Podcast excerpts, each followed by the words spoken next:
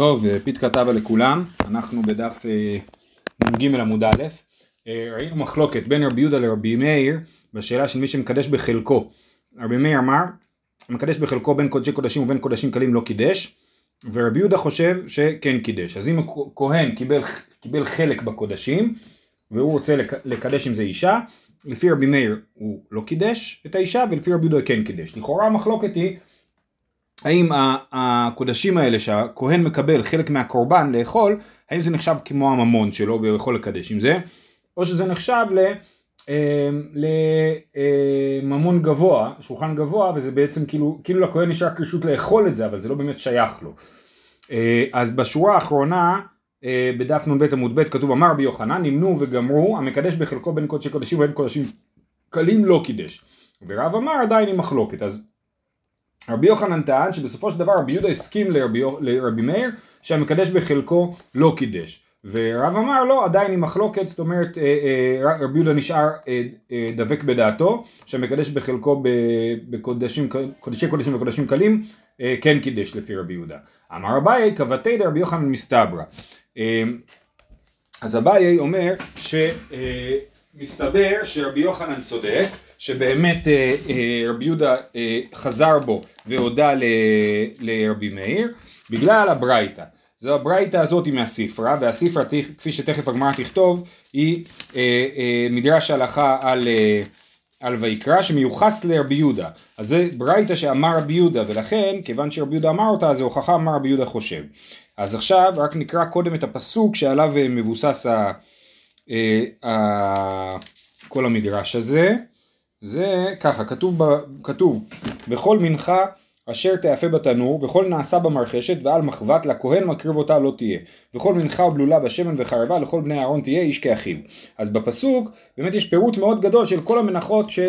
אה, וכתוב על כל המנחות שלכהן המקריב אותה לא תהיה לכל בני אהרון תהיה איש כאחיו. אז זה אומר שהם מתחלקים בזה שווה בשווה. אה, וכל הפירוט הזה לכאורה אומר דורשני אז אומרת הברייתא כך, דתניא, מניין שאין חולקים מנחות כנגד זבחים. זאת אומרת, אם כהן אחד קיבל בשר, וכהן שני קיבל מנחה, אה, או לדוגמה, לא, לא, נגיד שני כהנים אה, חלקו שווה בשווה, אחד, אה, שניהם קיבלו בשר ומנחה, אז הוא אומר לו תביא לי את הבשר שלך, אני אביא לך את המנחה שלי, אחד רוצה רק מנחה והשני רוצה רק בשר. אז מניין שאלו חולקים מנחות כנגד זבחים, תלמוד לומר וכל מנחה אשר תאפה בתנור, לכל בני אהרון תהיה. יכול לא יחלקו מנחות כנגד, כן? אז בכל מנחה שתאפה בתנור לכל בני אהרון תהיה. אז כל המנחה מתחלקת לכל בני אהרון, ואי אפשר עכשיו לעשות חלוקות אה, אה, אה, שבמנחה עצמה בני אהרון צריכים לחלוק ולא מנחה כנגד דבר אחר. אה, יכול לא יחלקו מנחות כנגד זבחים שלא קמו תחתיהם בדלות, אבל יחלקו מנחות כנגד עופות שהרי קמו תחתיהם בדלות. בוא נאמר ש... אה, אז אי אפשר לחלוק מנחות כנגד אה, קורבן בשר, בהמה. אבל אולי אפשר לחלוק כנגד עופות, למה? כי יש קשר בין עופות לבין מנחות. אם אדם אה, מתחייב בקורבן עולה ויורד, אז אם הוא עני הוא מביא עוף, ואם הוא דלי דלות מה שנקרא, אם הוא מאוד עני אז הוא מביא מנחה. אז יש איזשהו קשר בין מנחה לבין עוף, אז אולי נגיד שאפשר לחלוק מנחות כנגד עופות שהרי קמו תחתיהן בדלות, תלמוד לומר וכל נעשה במרחשת לכל בני אהרון תהיה. כן, אז, אז הפירוט הנוסף של אה, אה, עוד מנחה שלא חולקים בה ועוד מנחה שלא חולקים בה, אז אנחנו כבר מנחות כבר למדנו, אז זה בא ללמד אותנו גם שלא חולקים כנגד עופות. אה, יכול לא יחלקו מנחות כנגד עופות שהללו מיני דמים והללו מיני קמחים אבל יחלקו עופות כנגד זבחים אז נגיד בסדר אז מנחות כנגד עופות לא חולקים. אבל אולי חולקים עופות כנגד זבחים.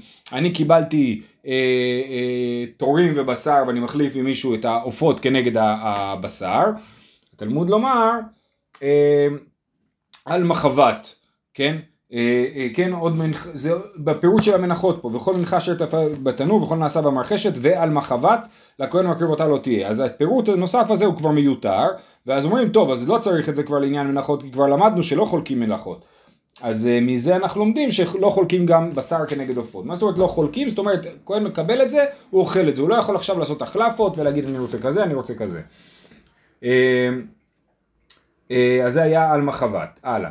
יכול לא יחלקו עופות כנגד זבחים שהללו מעשיהם ביד והללו מעשיהם בכלי. אבל כי עופות שוחטים אותם עם היד, מולקים אותם. ועופות וזבחים שוחטים אותם עם סכין. אבל יחלקו מנחות כנגד מנחות. אז בוא נגיד שיחלקו, אחד קיבל מנחה מטוגנת והשני קיבל מנחה אה, אפויה, והוא אומר אני בדיאטות תביא לי את המנחה האפויה, אני אביא לך מנחה מטוגנת. אז הוא אומר, גם זה לא, כי כתוב וכל מנחה בלולה בשמן אה, לכל בני אהרון. אז לכן, אה, נכון? כן? יפה. אה, אה, יכול לנחות כנגד מנחות שהללו והללו מעשיהם ביד, שקומצים את זה ביד, תלמוד לומר וכל מנחה בלולה בשמן לכל בני אהרון. אה, אה, גם, שוב, זה עוד פעם מיותר, זה בא לרבות שכל מנחה לא חולקים אותה אה, אחד כנגד השני. יכול לא יחלקו מחבת כנגד מרחשת ומרחשת כנגד מחבת, שזו מעשה מרקים וזו מעשיהם קשים, אבל יחלקו מחבת כנגד מחבת ומרחשת כנגד מרחשת, בסדר, אז נגיד שאי אפשר לחלק אה, מח, אה, סוגים שונים של מנחות. לי יש, קיבלתי, יש מנחת מחבת ומנחת מרחשת. מה ההבדל בין מחבת למרחשת? לכאורה זה ההבדל בין טיגון קל, אה, טיגון בשמן אה, עמוק לטיגון אה, אה, בשמן, אה, בשמן נמוך, כן? אה, אה, מרחשת זה שמן עמוק. אז הוא אומר בסדר, אז לא מחליפים מרחשת כנגד מחבת, אבל מחבת כנגד מחבת, נגיד אני רוצה את זה ואתה רוצה את זה, שנינו קיבלנו מנחת מחבת ואנחנו רוצים לחלק אותה באופן אחר, גם זה אי אפשר לחלוק. תלמוד לומר וחרבה לכל בני אהרון תהיה, כן? כתוב וכל מנחה בלולה בשמן וחרבה לכל בני אהרון תהיה. שוב הריבוי הנוסף בא להגיד שאפילו זה לא מחלקים. יכול לא יחלקו בקודש הקודשים ואלה יחלקו בקודשים קלים. אולי נגיד שכל זה היה שייך ביחס לדבר שהוא נחשב לקודשי קודשים. קודשי קודשים הם דברים שאוכלים אותם רק בתוך העזרה ומי שאוכל אותם זה רק בני אהרון הכהנים. אבל קודשים קלים, אפשר לאכול אותם בכל העיר, והחלק של הכהנים, הם יכולים להביא אותם גם לנשיהם, לבניהם ולבנותיהם. אז אולי בקודשים קודשים קלים נגיד שהכהנים יכולים לחלק אותם מחדש. אני קיבלתי כזה, אתה קיבלת כזה, בוא נחלק את זה מחדש. תלמוד לומר, איש כאחיו, וסמיך לאם על תודה. זאת אומרת, המשך, הפ... מיד אחרי הפרשה שבה נאמר שצריך לחלק את המנחה, אז הפרשה הבאה זה אם על תודה יקריבנו, על uh, שלמים. Uh, uh, וקורבן תודה הוא קורבן של קודשים קלים, אז אנחנו, הסמיכות הזאת מלמדת אותנו ש... מלמדת אותנו שגם בקודשים קלים אסור לעשות החלפות וכל כהן צריך לאכול את מה שהוא קיבל. תלמוד לומר איש כאחיו וסמיך לאם על תודה. כשם שאין חולקים בקודשים קודשים, כך אין חולקים בקודשים קלים, ועוד לומדים מהפסוק איש כאחיו, איש חולק אפילו בעל מום. ואין הקטן חולק ואפילו טעם, כן? אז כתוב איש כאחיו, אז החלוקה היא בין אנשים. אפשר להביא לכהן קטן לאכול את זה, אם הוא טהור כמובן, אבל הוא לא, אין לו דין חלוקה. אה, אה, ומצד אחד, מצד שני, בעל מום, אה, בעל מום מקבל חלק בקורבן, והוא חולק בקורבן כי הוא נחשב לאיש, כן? איש כאחיו, אז הוא מקבל גם כן חלק בקורבן. זהו, כל זאת הייתה ברייתא מאוד ארוכה, ועכשיו אומרת הגמרא, סתם ספרה מאני רבי יהודה והוא כאמר דלית בדין חלוקה כלל, שמע מינה, כן? אז הנה, אומר, מסכם את הגמרא, אנחנו רואים שבכל הקורבנות וכל הקודשים אין דין חלוקה. זה אומר שאין דין חלוקה, זה אומר שהכהן שמקבל את זה, זה לא הרכוש שלו, שהוא יכול עכשיו להתחיל לעשות החלפות ולמכור ולקנות ולקדש אישה, לא, זה מנה, הוא קיבל מנה, זה כמו שאני אלך להתארח אצל מישהו, הוא יביא לי דג, ואת הדג הזה אני אלך ולא יודע מה, יחלק את זה לאנשים אחרים. אי אפשר לעשות דבר כזה, זה קיבלתי בשביל לאכול, לא קיבלתי את זה כרכוש. ולכן גם הכהן שקיבל את זה הוא לא קיבל את זה כרכוש והוא לא יכול לקדש בזה אישה. אז הנה אנחנו רואים שרבי יהודה שהוא זה שאמר את הברייתא הזאת חושב שאין בקורבנות בקודשים דין חלוקה ולכן משהו שהוא מודה שאי אפשר לקדש אישה בקודשים. אז זהו, אז אומרת הגמרא שמע מינא, אכן באמת אפשר ללמוד את זה, ולכן זה אומר שרבי יוחנן צודק ולא רב, כי רבי יוחנן אמר שרבי יהודה הודה, חזר והודה לרבי מאיר, שאי אה, אה, אפשר לקדש אישה בקודשים, ו, ורב אמר שרבי יהודה עומד בדעתו. אומרת הגמרא, אמר רבא, וכרב מילותניה אמר, יש גם ברייתא שמתאימה לשיטת רב, ש... שכן חולקים בקודשים. והתניא, הצנועים מושכים את ידיהם, והגרגרנים חולקים. זה מדבר על לחם הפנים, שכתוב שאחר שנפטר שמעון הצדיק נשתלחה בו מהרה, ואכן הצנועים היו מושכים את ידיהם, הם בכלל לא היו אוכלים את זה, והגרגרנים היו חולקים. אז הנה אנחנו רואים שיש דין חלוקה בלחם הפנים, לחם הפנים הוא חלק מהקודשים, ויש בו דין חלוקה. אז הנה הוכחה שיש מישהו שחושב, וכנראה שזה רבי יהודה, שחושב שיש חלוקה בקודשים, סימן שכן אפשר לקדש אישה בקודשים. אומרת הגמרא לא, מהי חולקים? חוטפים. לא הכוונה שהם חולקים כמו דין חלוקה, שכל אחד מקבל חלק, אלא הכוונה היא שהם חוטפים. כל אחד חוטף את החלק שלו, כדי קטני סיפה, מעשה באחד שחטף חלקו וחלק חברו, והיו קוראים אותו בן חמצן. הרי המשך הברייתא אומר שאחד חטף מחלקו וחלק חברו, כן? אז זה, זה מכאן אנחנו מבינים שהגרגנים חולקים, הכוונה היא שהם לוקחים בכוח חלקים שלא מגיעים להם. וזה הכוונה שהם חולקים, ולא הכוונה שהם חולקים כמו דין חלוקה שאותו חיפשנו, ולכן אין מפה הוכחה לרב, ובאמת רבי יהודה מודה לרבי מאיר שהקודשים הם לא נחשבים לממון של הכהן. והיו, כתוב בסוף הברייתא, והיו קוראים אותו בן חמצן, לחוטף הזה היו קוראים בן חמצן, עד יום מותו. אמר רבא בר, רב שלה, מה יקראה? מה, מה זה המילה הזאת חמצן? מה, איזה פסוק זה מתאים? אלוהי פלטני, פלטני מיד רשע מכף מעוול וחומץ. רבא אמר מאחה, למדו היטב, דרשו משפט, אשרו חמוץ. כן, אז זה אה, אה, פסוקים שבהם אנחנו רואים שמשתמשים במילה חמ, חומץ לגזלן וחמוץ או חמוץ לנגזל. אה, אה, אה, אז אנחנו, לכן היו קוראים אותו בן חמצן שהוא גזלן. זהו. אמרנו במשנה אה, שאם אדם קידש אישה במעשר שני, בן שוגג בן מזיד לא קידש, דברי רבי יהודה, רבי, סליחה, דברי רבי מאיר, רבי יהודה אומר בשוגג לא קידש במזיד קידש. אז אם אדם קידש אישה במעשר שני, יש לו פירות מעשר שני, והוא מקדש אישה בפירות האלה, או אולי יש לו אה, כסף של מעשר שני, והוא מקדש אישה בכסף, אה, בכסף הזה, אז האישה הזאת לא מקודשת. כי רבי, כזאת שיטת רבי מאיר, למה? כי זאת שיטת רבי מאיר באופן כללי לגבי מעשר שני, שהוא נחשב לממון גבוה, שאדם, שוב, כמו עם הקודשים, מה עושים מעשר שני? עולים לירושלים ואוכלים אותו בטהרה. רבי מאיר אומר שאכילת מעשר שני בטהרה היא כמו אה, אכילת קורבנות, היא חלוקה משולחן גבוה, היא לא רכוש פרטי שלי, היא, היא, היא אכילה מהמנה שהקדוש ברוך הוא מביא לי, ולכן אי אפשר לעשות עם זה פעולות קנייניות. לעומת זאת רבי יהודה אומר, בשוגג רבי יהודה אומר, סליחה, בשוגג אה, לא קידש, במזיד קידש. אז לגבי רבי יהודה אנחנו נראה בהמשך. אומרת הגמרא, אמינא מילי, אמר רבא חבר די רבא, זאת אומרת שיטת רבי מאיר. הגמרא מדברת כרגע רק על שיטת רבי מאיר, שמעשר שני לא מקדש. אמר רבא חבר די רבא משמי דגמרא, כתוב בפסוק, וכל מעשר הארץ מזרע הארץ ומפרי העץ להשם הוא קודש להשם. כן, אז, אז כתוב לגבי מעשר שני, להשם הוא קודש להשם. אז להשם הוא ולא לקדש בו אישה, כן, זה דווקא להשם, זה לא לקדש בו אישה, זה מה שהוא למדו מהפסוק. אומרת הגמרא, רגע, הרי תרומת מעשר, דכתיב, כן, תרומת מעשר זה התרומה, שהמעשר מן המעשר, כאשר הלוי מקבל מעשר ראשון, הוא מביא לכהן מעשר מן המעשר, זה נקרא תרומת מעשר. אז הרי תרומת מעשר שנאמר לגביה, כן, תרימו גם אתם תרומת השם, כן, אז קוראים לזה תרומת השם, ותנן המקדש בתרומות מקודשת. אז uh, אנחנו רואים שאפשר לקדש בתרומה למרות שקוראים לזה תרומת השם. אז מעשר שני כתוב שלהשם הוא קודש להשם ואי אפשר לקדש בו. אז תרומת מעשר למה אפשר לקדש בה?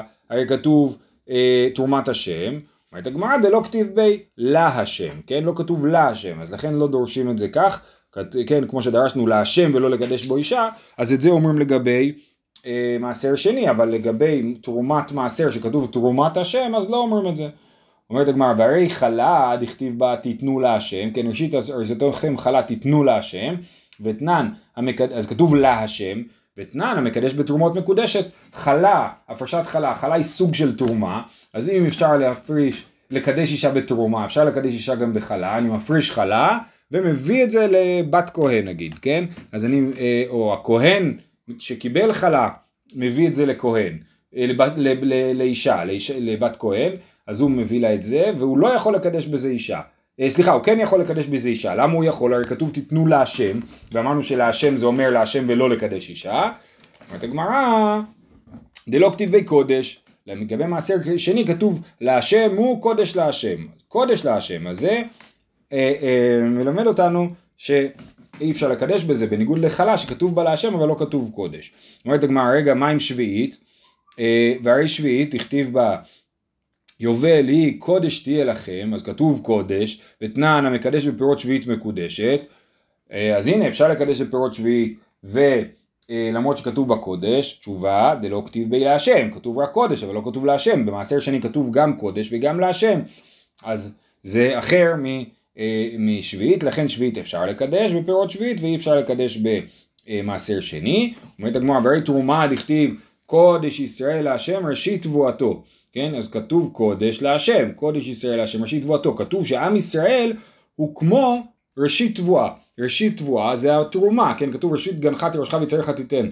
אה, אה, תיתן לו, אז, אז כתוב שהעם ישראל הוא כמו התרומה של הקדוש ברוך הוא, אה, או תרומה לקדוש ברוך הוא, אז, אבל, וכתוב קודש להשם, אז, אז זה כאילו כתוב לגבי תרומה, אומרת הגמרא, הרי תרומה דכתיב קודש ישראל להשם ראשית תבואתו ותנן המקדש בתרומה מקודשת אומרת הגמרא הוא בישראל כתיב, כתוב שישראל הוא קודש להשם, לא כתוב שהתרומה היא קודש להשם, אומרת הגמרא, אבל לאו ממילא שמעת מינה, אפשר לשמוע את זה ממילא, כתוב שישראל הם קודש להשם כמו תרומה, סימן שגם תרומה היא קודש להשם, ואמרנו שאם כתוב קודש להשם, במעשר שני כתוב קודש להשם ולכן לא מקדשים בו אישה. אז גם בעצם בתרומה כתוב קודש להשם, ולמה מותר לקדש אישה בתרומה?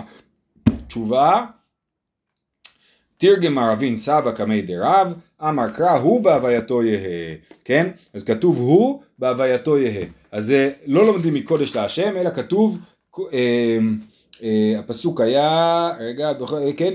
מפי הארץ להשם הוא, קודש להשם. אז הוא בהווייתו יהא, זאת אומרת הוא נשאר כל הזמן מעשר שני, והוא לא משתנה, ולכן אה, אה, הוא לא יכול להפוך להיות כסף של קידושין, זאת שיטת רבי מאיר, שאומר שאי אפשר לקדש אישה במעשר שני. זהו, המשך המשנה הוא הולך כך, בהקדש, אם אדם מקדש אישה בהקדש, יש לי בבית מעות של הקדש, כסף של הקדש, ואני מקדש בו אישה, אז אומרת הגמרא, המשנה, במזיד קידש, בשוגג לא קידש, דיבר רבי מאיר, רבי יהודה אומר, בשוגג קידש, במזיד לא קידש, כן? אז זה מחלוקת רבי יהודה ורבי מאיר, לפי רבי מאיר, בהקדש, במזיד קידש, בשוגג לא קידש, רבי יהודה אומר ההפך, בשוגג קידש, במזיד לא קידש. מה זה מזיד? מזיד זה שידעתי שזה כסף של הקדש, והבאתי את זה לאישה, ובשוגג הכוונה היא אה, שלא ידעתי שזה אה, כסף של מעשר שני. אמר רבי יעקב, שמע איתמינא דרבי יוחנן תרתי. רבי יעקב אומר, שמעתי מרבי יוחנן שני דברים, ואני לא יודע בדיוק איך לסדר אותם. שמע איתמינא תרתי, שגיגת מעשר דרבי יהודה, שגיגת הקדש דרבי מאיר, שניהם אין האישה מתקדשת בהם. אחד לפי שאין האישה רוצה, ואחד לפי שאין שניהם רוצים. כן? אז מה הוא שמע מרבי יוחנן? הוא שמע מרבי יוחנן ששגיגת הקדש ושגיגת מעשר, בשניהם האישה אה, לא מקודשת. שגיגת מעשר אישה לא מקודשת לפי רבי יהודה, ושגיגת הקדש האישה לא מקודשת לפי רבי מאיר. והוא שמע שני הסברים, על אחד בגלל שהאישה לא רוצה, ואחד בגלל ששניהם לא רוצים, והוא לא יודע באיזה אחד שניהם לא רוצים ובאיזה אחד רק האישה לא רוצה. כן? אחד לפי שאין אה, האישה רוצה, ואחד לפי שאין שניהם רוצים. זה מה שהוא למד מרבי יוחנן, ולא ידע נאי מינאי, ואני לא יודע למה הוא התכוון. על מה הוא אמר שהאישה לא רוצה, ועל מה הוא אמר ששניהם אה, לא רוצים. אז למה האישה לא מתקדשת? כי היא לא רוצה. למה היא לא רוצה? אמר רבי ירמיה נחזה ענן. בוא נבדוק אנחנו. אה, כן, בשגגה זה אומר שהיא לא ידעה. אם הייתה יודעת שזה מעשר, היא לא הייתה רוצה, אז אנחנו מניחים שהיא לא רוצה. אז אומר רבי ירמיה, בוא נבדוק אנחנו, מה היא רוצה ומה היא לא רוצה. מעשר, היא לא ניחא לה משום טירחא דאורחא. היא הוא ניחא לה דני קנאית ממילא. הוא מביא לאישה נגיד פירות של מעשר שני ואומרת מקודשת לי. מה האישה צריכה לעשות עם זה? לקחת את הפירות האלה, לעלות איתם לירושלים ולאכול אותם בטהרה, נכון? אז היא לא רוצה, אז זה לא נוח לה. ולכן, הוא זה נוח לו, כי את המעשר שני הוא נפטר ממנו, הוא קידש בזה את האישה, הוא לא צריך את זה יותר. ולה זה לא נוח, כי את המעשר, אם היא הייתה יודעת שזה מעשר שני, הייתה יודעת שהיא צריכה לעלות עם זה לירושלים, אז זה לא נוח לה. אז ברגע שהיא מגלה את זה, היא מבינה שלא היה שווה לה להתקדש. אז לכן האישה לא מקודשת בשגגת מעשר שני. אמ, ולעומת זאת בהקדש, אלא הקדש תרוויו לניחא לו, דנתחיל הקדש על ידיו, כן? שניהם לא נוח להם, כי כשהוא מקדש אישה בהקדש זה שונה ממעשר שני. מעשר שני הוא מקדש אישה בפירות מעשר שני, הפירות נשארים מעשר שני. אבל כשהוא מקדש אישה בהקדש, אז ההקדש מתחלל לכאורה. ההקדש הופך להיות חולין, כי כל דבר שהכסף של ההקדש קונה, הקדושה עוברת למה שקניתי. עכשיו, כשאדם קידש אישה בכסף של הקדש, אז הקדושה לא ברור לאן היא עוברת, כן? אבל היא כבר לא נשארת במטבעות. אז ההקדש מתחלל, אם ההקדש מתחלל, אז הם, הם, הם אה, עברו עבירה. לכן לשניהם זה לא נוח. לכן אם הם בשוגג הוא ישתמש בכסף של הקדש, שניהם לא, אה, אה, לשניהם זה לא נוח, כי שניהם לא רוצים לחלל את ההקדש, ולכן האישה לא מקודשת במקרה כזה. זאת השיטה של רבי ירמיה. ורבי יעקב, שהוא אמר אני לא יודע למה רבי יוחנן התכוון, למה הוא כל כך התלבט, לכאורה ההסבר של רבי ירמיה הוא פשוט. אומרת הגמר, רבי יעקב אומר אפשר להגיד גם הפוך. איך אפשר להגיד הפוך? רבי יעקב אמר איפכא מסתברא, מי לא איכא למימר מעשר אי לא ניחא לה משום טירחא דאורחא, אי הוא לא ניחא לה משום אונסא דאורחא, כן? אפשר להגיד במעשר שני שזה, לה זה לא נוח כמו שאמרנו מקודם כי יצטרך לעלות לירושלים לאכול את זה בטהרה, וגם לו זה לא נוח כי ברגע שהיא תגלה שזה מעשר שני הוא יצטרך לממן את האונס של הדרך, כן? הוא יצטרך לשלם, הוא הביא לה את המעשר שני, תגיד לו תשמע, אין לי איך ליהנות מזה, תשלם לי כדי שאני אעלה עם זה לירושלים, ואז אני אוכל ליהנות מזה, אז גם לו זה לא נוח, כי הוא יודע שהוא לא יוכל ליהנות מהדבר הזה, ש, סליחה, הוא יודע שיהיה לו הוצאות נוספות על, הד, על הדבר הזה, משום אונסא דאורחא. זה ההסבר של רש"י. אה, אה, לעניין הזה של האונסא דאורחא. לכן יש סברה להגיד ששניהם לא נוח להם להתקדש במעשר שני. לעומת זאת בהקדש, אלא הקדש, בישלמה אי לא ניחא לה דנתחיל הקדש על ידה, אלא אי הוא לא ניחא לה דניקנית את ממילא, ומה אכפת לו? הוא קידש אישה. ולה זה לא נוח שהתחלל הקדש על ידה, לא היה לה שום כוונת זדון, ומתחלל הקדש על ידה. אז דווקא הוא הופך את זה, אה, אה, רבי יעקב אומר אפשר להגיד ההפך, אפשר להגיד שלרבי ש...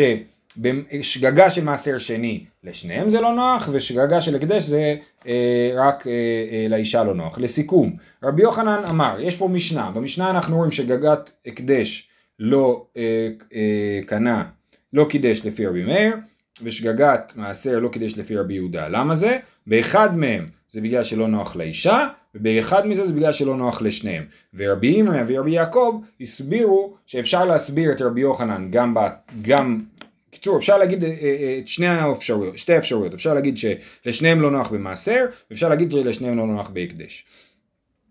זהו. בא מיני רבא מרב חיסדא, אישה אין מתקדשת מעות מהו שיצאו לחולין. זאת אומרת אומר רבא, כיוון שההלכה היא שזה באמת לא מקודשת, בגלל שלא נוח לה או שלא נוח לשניהם, אז היא לא מקודשת. אז מה קורה עם הכסף? הוא הביא כסף לאישה לקדש אותה. ואז הסתבר שזה הקדש. אז מה קרה עכשיו? מה דין הכסף עכשיו? האם פגעה ממנו הקדושה או לא? מה קרה לו? אה, אמר לי, אישה אינו מתקדשת, מעות, איך יצאו לחולין? איך הכסף יכול לצאת לחולין אם האישה לא מתקדשת? ברור שהכסף נשאר בקדושתו, כי הוא לא עשה שום פעולת קניין.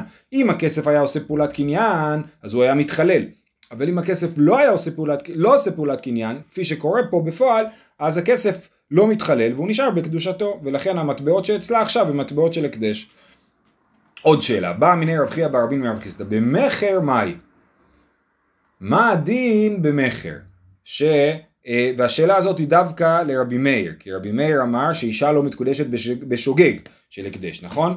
אז רבי מאיר שאומר שאישה לא מקודשת בשוגג, האם אם אני הולך וקונה ממישהו חפץ בשוגג במעות של הקדש, יש לי מעות של הקדש בבית, אני הולך למכולת וקונה עם זה בפלים, כן? או אני הולך לחנות וקונה מזה אופניים. עכשיו, האם ההקדש יתחלל בזה או לא יתחלל בזה? לכאורה פשוט שיתחלל בזה. אמר לי, אף במכר לא קנה. זאת אומרת, לא, הקניין לא עבד. ברגע שאני מגלה שזה מעות של הקדש, בעצם זה מתבטל הקניין מאליו, כי אני אומר, סליחה, זה היה טעות, אני הבאתי לך את הכסף הלא נכון, והמעות נשארים בקדושתם, והאופניים חוזרים למוכר. עכשיו, אה, אה, יוצא מהדבר הזה, ככה רש"י מסביר, שיוצא לפי הדבר הזה, שאפשר לחלל הקדש רק באכילה. אם תמיד כשאני קונה משהו זה לא מתחלל, אז איך אני יכול לחלל משהו? רק אם אני אוכל אותו, אני, אה, אני, אני קונה אוכל ואוכל אותו, או, שאני, או שיש לי אוכל שהוא הקדש ואני אוכל אותו. אז רק במצב כזה, יוצא שלפי רבי מאיר אפשר לחלל הקדש רק באופן כזה. אז בא מני רב חייא ברבין מרב חיסדא במכר, מאי אמר לאף במכר לא קנה. כן, אני אקרא לכם שנייה את, את, רש"י, אומר לא קנה ולא יצאו מעות לחולין ואין מעילה לרבי מאיר בהקדשות אלא באוכל אוכלי הקדש. אבל הוא מוציא מעות הקדש, אין לו מעילה בכל מקום שאין שם הקדש עליהם, הם תמיד נשארות הקדש. אין להם ש... ולכן זה לא מעילה, מעילה זה כשהקדושה אה, עוברת למשהו שהוא חולין, אבל אם הקדושה כל הזמן נשארת במטבעות אז זה לא מעילה. אי טבעי, עכשיו הוא מקשה עליו, אומר לו חנווני כבעל הבית, דבר רבי מאיר, רבי יהודה אומר חנווני כשולחני. המשנה הזאת מדברת על מקרה שאדם, הגזבר של ההקדש, שם מעות של הקדש אצל מישהו לשמור עליהם, כן? אז אם הוא שם המעות באופן שהאדם מבין שהוא יכול להשתמש בהם, אז הגזבר אשם שהוא ישתמש בהם. ואם הוא שם את זה באופן שהבן אדם לא היה אמור להשתמש בהם, אז הגזבר לא אשם, ומי שאשם זה האדם. אז השאלה היא מי מעל פה בסיפור הזה. עכשיו, אם, אז אם, אז יש לנו בעל הבית ושולחני. אם הגזבר שם כסף פתוח אצל שולחני, הוא יכל לדעת שהשולחני ישתמש בהם. שולחני זה כמו בנקאי, נכון? הבנקאי כל הזמן משתמש בכסף, אז אם הגזבר שם, הפקיד כסף באופן לא צרור, לא סגור, אצל השולחני, והשולחני ישתמש בזה, זה אשמת הגזבר, אז הגזבר מעל. אם הוא שם כסף לא צרור אצל בעל הבית, ובעל הבית ישתמש בזה, זה אשמת בעל הבית, כי הוא לא היה אמור להשתמש בזה.